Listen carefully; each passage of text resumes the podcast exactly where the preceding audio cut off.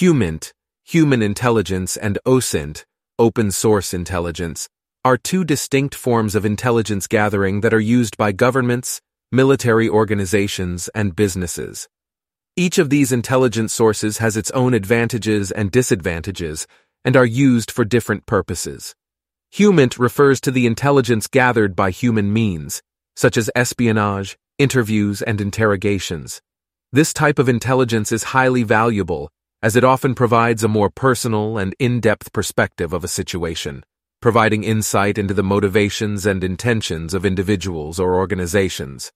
However, HUMINT also comes with risks, such as the possibility of misinformation or deception, and is often expensive and time-consuming to gather.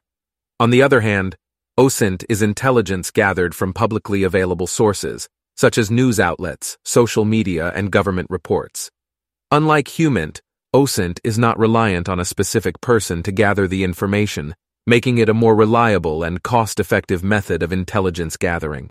OSINT can provide a broad overview of a situation, allowing organizations to understand current events, trends, and public opinion.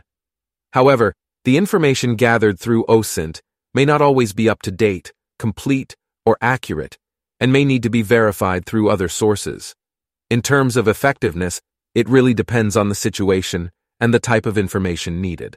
For example, if an organization wants to understand the motivations and intentions of a specific individual or group, HUMINT would likely be the more effective source of intelligence.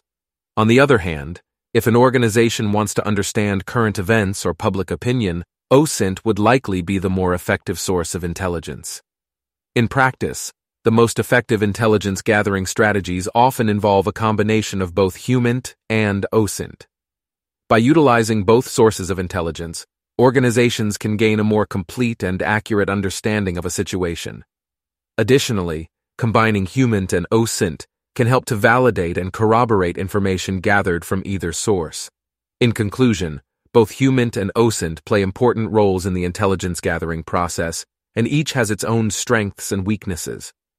While HUMINT provides a more personal and in-depth perspective, OSINT is more reliable and cost-effective.